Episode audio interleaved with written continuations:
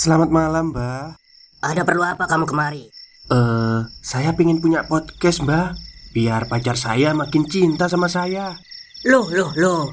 Mau bikin podcast kok tanya dukun? Sekarang kamu download aplikasi Anchor.fm. Di situ kamu bisa buat podcast gratis dan podcast kamu bisa didistribusikan ke platform mana pun. Dan di aplikasi atau website Anchor.fm juga terdapat fitur-fitur yang memudahkan kamu untuk membuat podcast. Oh, gitu ya, Mbak. Kalau gitu, saya boleh minta password wifi-nya, Mbak. Buat apa? Buat download Anchor.fm, Mbak.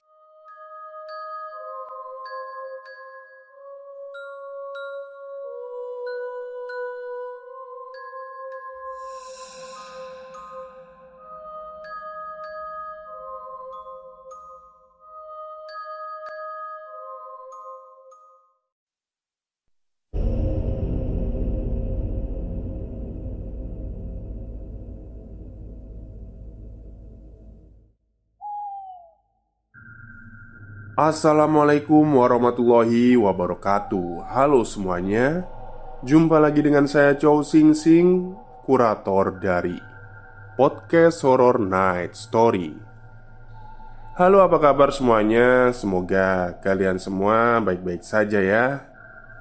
Dan seperti biasanya pada siang hari ini saya kembali Dan akan menghadirkan sebuah kisah mistis untuk kalian semua Kisah kali ini saya dapatkan dari tweet Twitternya Mas Indrawan yang menceritakan tentang teman ngobrol.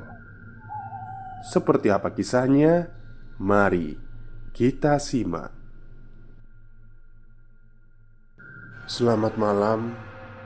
Kisah yang akan aku tulis di bawah ini merupakan sebuah peristiwa yang pernah terjadi beberapa waktu yang lalu Nama-nama, tempat, dan tokoh yang bersangkutan akan aku samarkan demi kenyamanan bersama.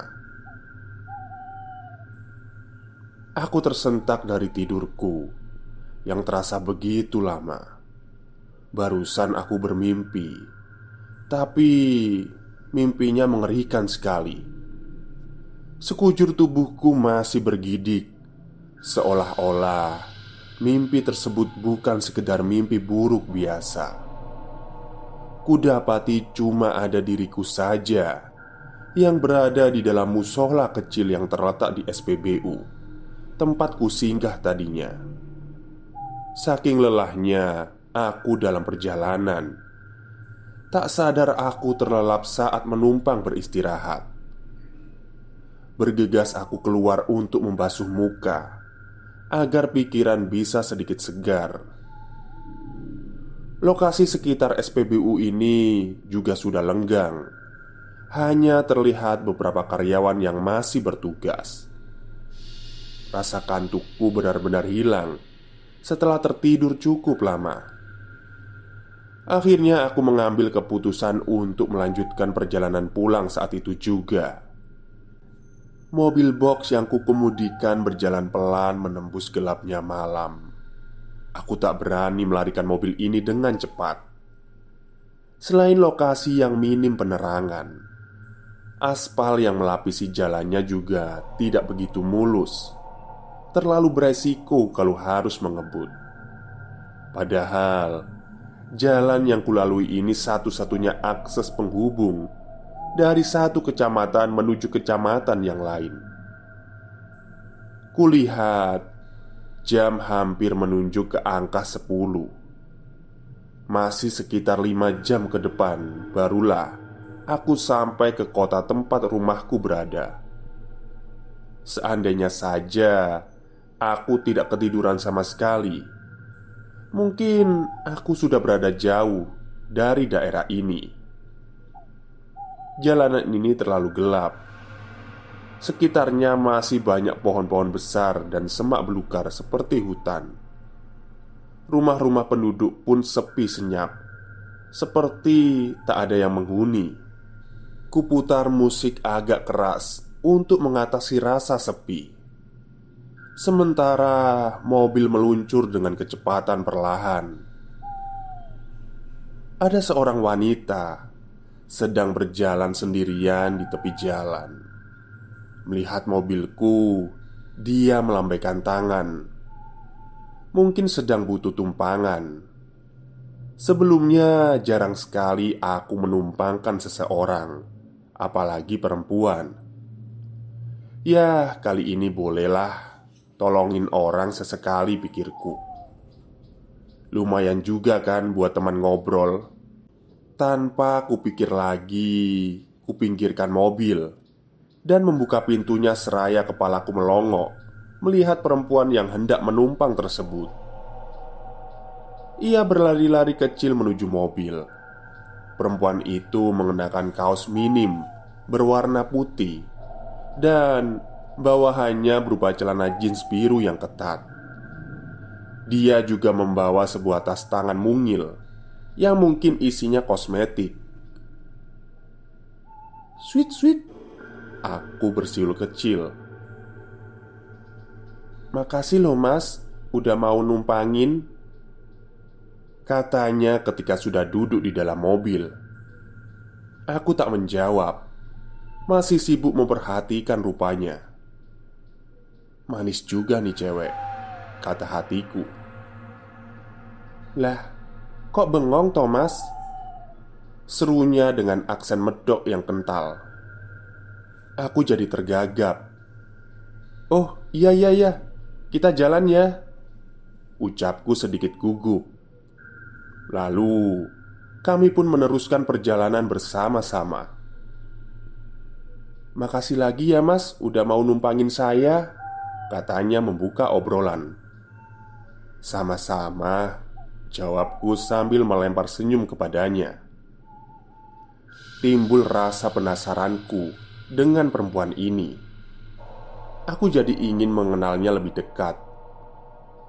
Eh, Mbak ini siapa namanya? Tanyaku Aku Kartina mas Kalau mas sendiri namanya siapa? Ia berkata dengan cepat Nama saya Wibowo mbak Tapi panggil aja Charles Biar akrab hehehe Jawabku sok kenal Sudah kebiasaanku memakai nama palsu Saat berkenalan dengan seseorang Ya, supaya kedengarannya lebih keren aja. Kartina manggut-manggut. Ia lalu tersenyum sedikit. Wajahnya ayu dengan rambut panjang sebahu. Mbak dari mana dan mau ke mana? Malam-malam gini kok malah keluyuran? Tanyaku yang sedari tadi penasaran dengan tujuan si mbak ini. Mau pulang ke rumah ibu, mas Jawabnya singkat Oh, mau ke rumah ibunya toh Kirain saya tadi mbaknya itu demit yang melintas Ucapku sambil tertawa Kartina diam. Tak merespon gurauanku. Mungkin ia tersinggung dengan omonganku barusan. Mbak Kartina Panggilku saat melihat ekspresi mukanya yang kaku. Tiba-tiba saja Dia mengeluarkan suara mengikik. Sontak saja aku terpekik. Mbak? Kartina masih terkikik Dengan pandangan menatap lurus ke depan. Hampir saja ku injak pedal rem Secara mendadak Karena terlalu panik. Ketika kikikannya Kartina berubah menjadi tawa pecah. Hahaha Maaf ya mas. Aku menarik nafas lega. Sadar kalau aku baru saja dikerjai olehnya. Asem. Mbak ini gimana sih? Bercandanya kira-kira dong Bahaya tahu Kataku Ia masih tertawa Merasa puas berhasil menakutiku yang memang agak penakut ini. Salahnya Mas dong, kok tega banget gitu ke aku, disamain sama demit. Setan mana coba yang punya body bahenol kayak aku? Pungkasnya sambil bergaya menggoda. Iya deh, mbak memang bahenol, ucapku dalam hati. Udahlah, lupain aja. Omong-omong, saya belum tahu rumahnya ibunya Simba itu di mana ya? Ia pun menjawab Itu di jalan maju mundur itu loh mas Hah?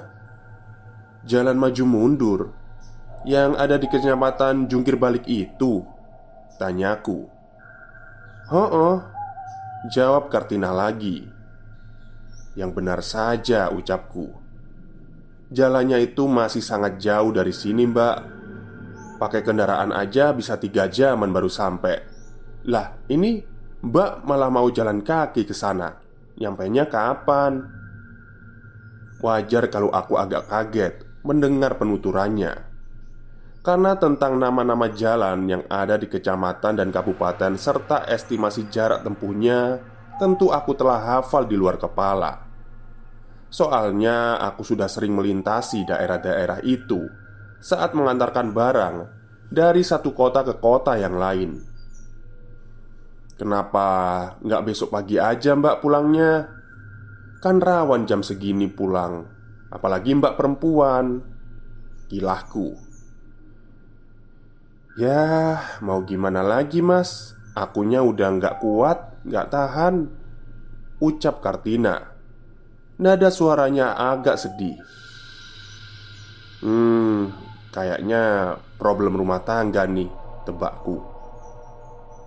Sebenarnya Aku tak begitu suka ikut campur urusan orang. Tapi Demi melihat mimik mukanya yang sendu Aku jadi tergelitik ingin mencari tahu lebih dalam lagi. Hmm, memangnya ada masalah sama suaminya ya, Mbak? Mas kok tahu? Tukas Kartina merasa heran. Ya, nebak aja sih. Jawabku sekenanya. Ia menunduk dalam. Jarinya disapukan ke bagian matanya. Ia pun menangis. Sejujurnya, Iya mas. Tadi aku berantem sama suami. Akunya udah gak sanggup. Mending minggat aja deh sekalian. Tukasnya dengan terisak. Malang sekali Kata batinku. Suami apaan? Punya istri semok macam Kartina. Yang seharusnya disayang-sayang Tapi malah ditindas sedemikian rupa Untung ngajak aku ketemu sama Mas di jalan tadi. Kalau enggak, aduh, nggak tahulah aku harus ngapain. Makasih ya Mas atas tumpangannya. Ucapnya sambil tersenyum manis. Sama-sama Mbak. Dari tadi perasaan nyebut makasih terus. Hehe, kataku. Mobil masih melaju pelan dengan lancarnya kami membisu selama beberapa saat. Mbak sering ribut ya sama suaminya? Tanyaku memecah kesunyian. Kartina tak langsung menjawab. Ia memejamkan matanya sejenak. Sering, Mas. Sering banget malahan, katanya. Saya suka dipukulin, Mas. Wah, KPRT nih. Wah KDRT nih. Beneran mbak. Tukasku agak memekik. Laporin polisi dong kayak gitu Kataku Air matanya mengalir lagi. Gimana saya mau lapor mas? Kalau dia sudah keburu matiin saya duluan. Hah? Maksudnya mbak? Tanyaku agak deg-degan dengan kalimatnya barusan. Kartina melanjutkan sambil meraba perutnya. Aku udah mati dibunuh suamiku, Mas. Perutku ini ditusuk pakai pisau sampai aku mampus. Hah? Aku berusaha mencerna omongannya, tapi belum selesai aku berpikir. Lagi-lagi, Kartina mengikik persis seperti sebelumnya. Please deh mbak, jangan bercanda mulu dong. Pintaku dengan suara agak keras. Tapi Dia tetap terkikik Sambil badannya menghadap ke arahku. Matanya melotot lebar. Kali ini sumpah aku merinding. Siapa tahu jika si Kartina memang perempuan jadi-jadian.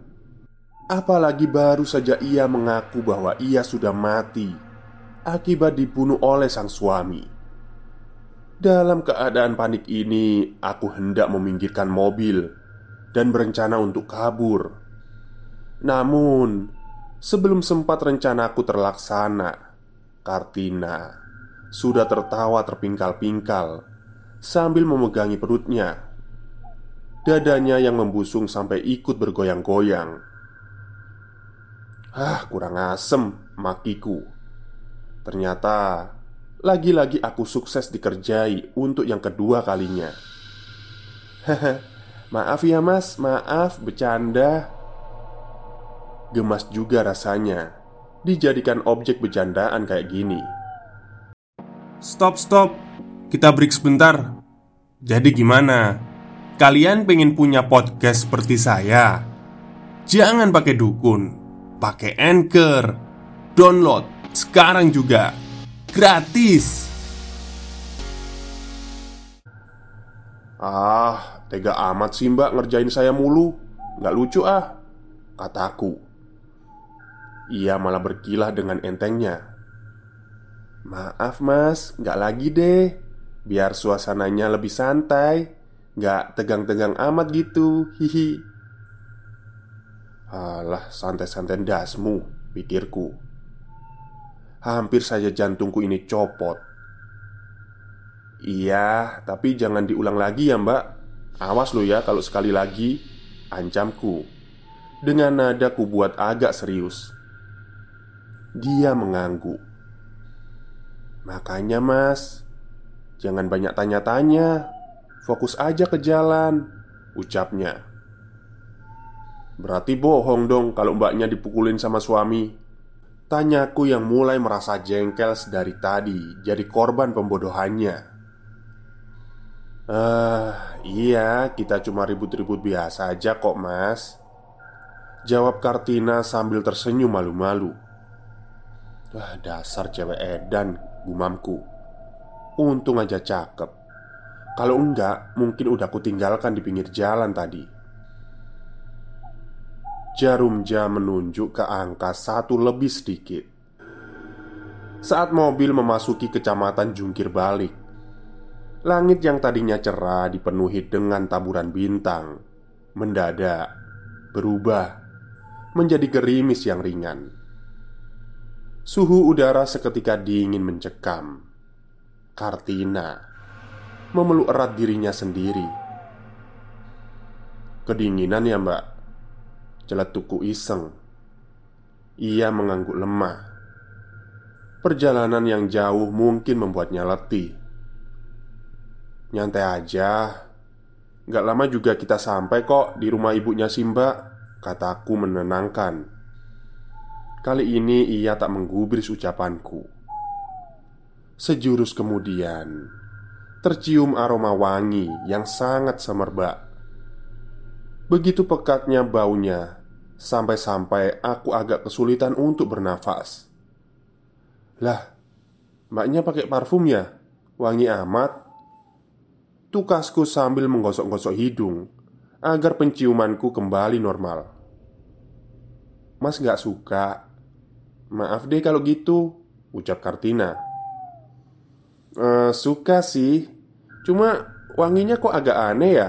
Gimana gitu Memang Jika mau jujur Aku sedikit terganggu dengan aromanya Yang menurutku agak janggal dan juga belum pernah aku mencium bau parfum yang serupa. Agak aneh gimana? Masnya aja yang nggak tahu. Saud Kartina. Nggak tahu gimana sih mbak? Ia pun menjelaskan. Ini kan wangi kembang taburan untuk makan mas Yang biasanya dipakai di kuburan itu loh Pungkasnya Lalu ia terkikik geli. Bulu kuduku berdiri mendengar tawanya. Bayangkan saja, hanya sendiri di jalan yang gelap gulita, disertai rintik-rintik tengah malam, dan ditemani seorang wanita asing yang hobinya cekikikan tidak jelas. Oh, nasibku benar-benar apes malam ini.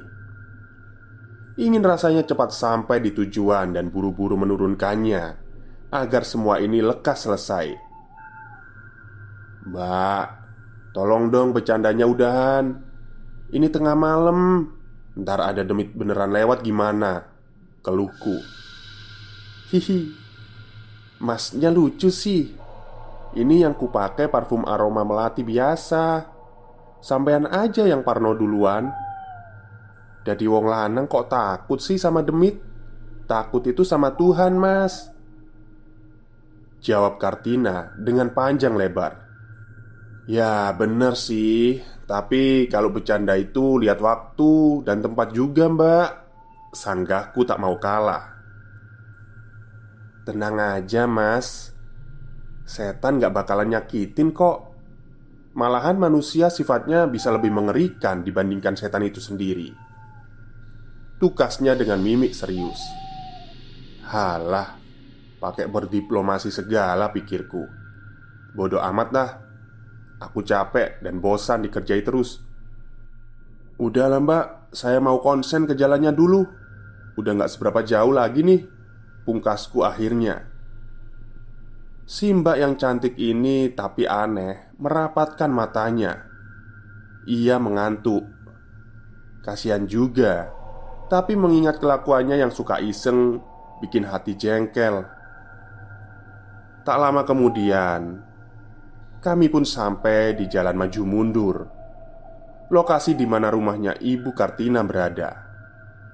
Ia menyebutkan Kalau rumah tersebut terdapat di dalam sebuah gang Pelan-pelan kususuri jalan mencari gang yang ia maksud. Di sepanjang jalur ini terdapat bukit-bukit tinggi di bagian kanan kirinya.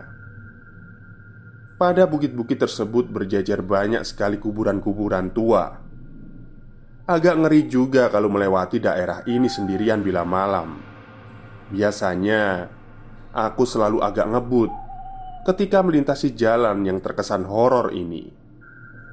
Bahkan teman-teman sesama pengemudi banyak yang bilang jika jalan ini termasuk wilayah angker.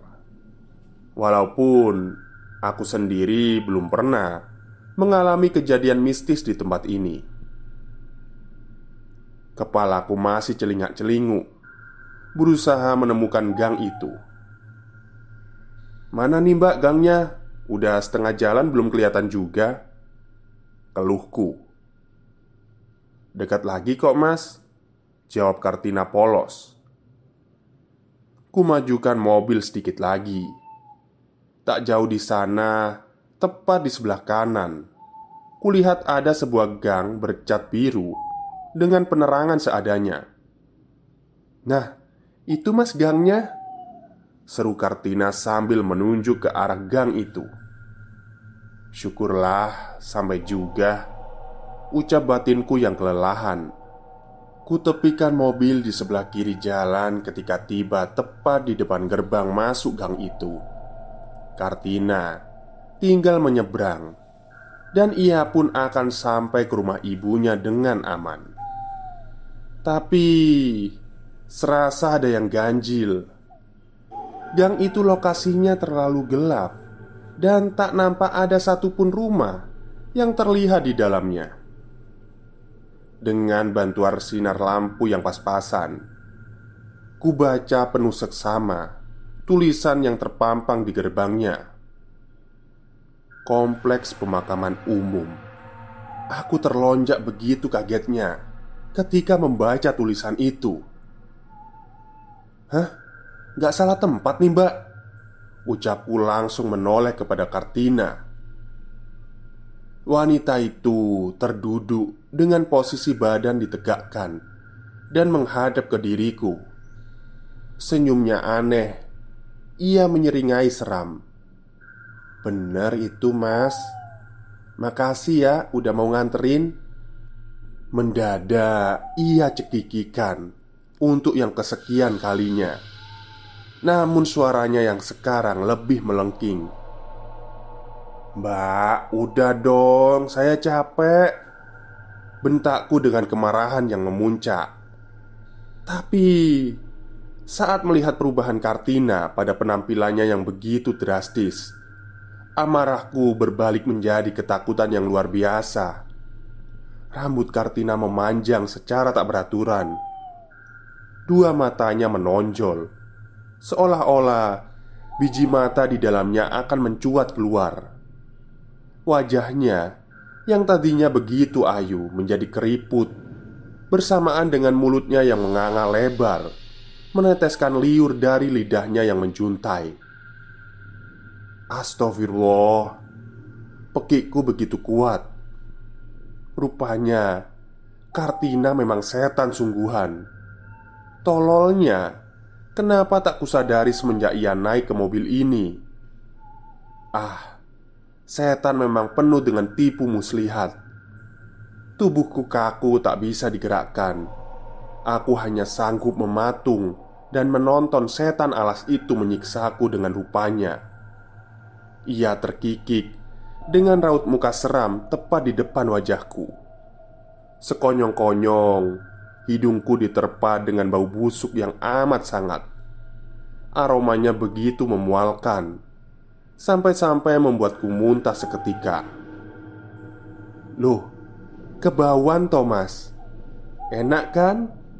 Ucap setan Kartina Dengan suara cempreng. Ia mengusap-ngusap perutnya yang berlumuran darah. Sempat ku perhatikan Ada banyak belatung Dan ulat-ulat kecil berkerumun di lubang yang ada di perutnya. Terlalu menjijikkan Ku baca dalam hati doa-doa keselamatan yang kuhafal Memohon kepada Tuhan agar teror ini segera berlalu. Tenagaku sendiri sudah habis Hingga penglihatanku pun mulai samar. Namun aku masih sadar Saat setan itu berkata Aku mau pulang dulu ya mas. Lain kali aku numpang lagi deh. Makasih loh mas udah nganterin ia berucap seperti itu sambil kepalanya bergoyang-goyang ke kanan ke kiri. Pandanganku semakin memburam, tapi telingaku bisa mendengar kalimatnya yang disebut secara berulang-ulang. "Makasih lo, Mas. Makasih lo, Mas. Makasih lo, Mas."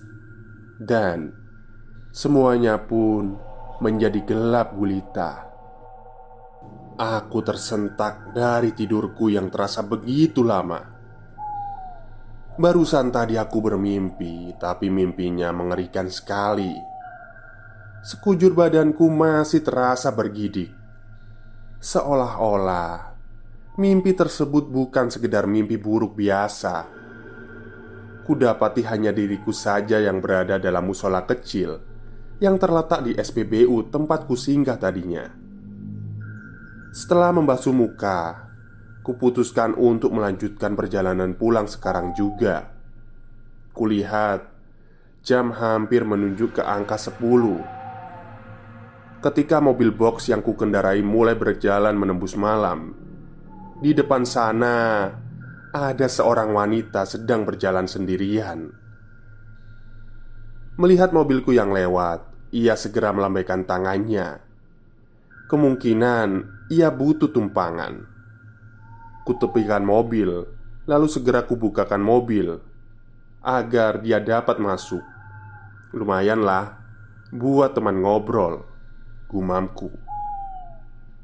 Makasih ya mas udah mau numpangin Kata perempuan itu Setelah ia berada di dalam mobil Salam kenal ya mas Namaku Kartina selesai. Sekian untuk cerita malam ini. Saya ucapkan terima kasih udah ngikutin ceritanya sampai habis. Sampai jumpa lagi di kisahku berikutnya. Good night and sleep tight. Baik, itulah akhir cerita dari tweet twitternya Mas Indrawan ya Mengenai teman ngobrol Jadi untuk kalian uh, Supir truk atau supir ekspedisi itu kan sering ya mengalami perjalanan malam melewati tempat-tempat yang sepi kayak gitu ya. Kalau kalian melihat sesuatu atau dilambai sesuatu baik itu laki-laki atau perempuan yang meminta tumpangan sebaiknya jangan dikasih. Karena selain itu demit, takutnya lo ya, kalau itu demit itu juga niatnya jahat juga sih. Takutnya dia bawa senjata kan terus nodong kita atau apalah. Ya kita nggak tahu sih kalau dia manusia beneran Tapi kayaknya nggak mungkin deh ada manusia beneran jalan di tengah malam kayak gitu. Lebih baik hati-hatilah. Oke mungkin itu saja cerita pada siang hari ini Kurang lebihnya saya mohon maaf. Wassalamualaikum warahmatullahi wabarakatuh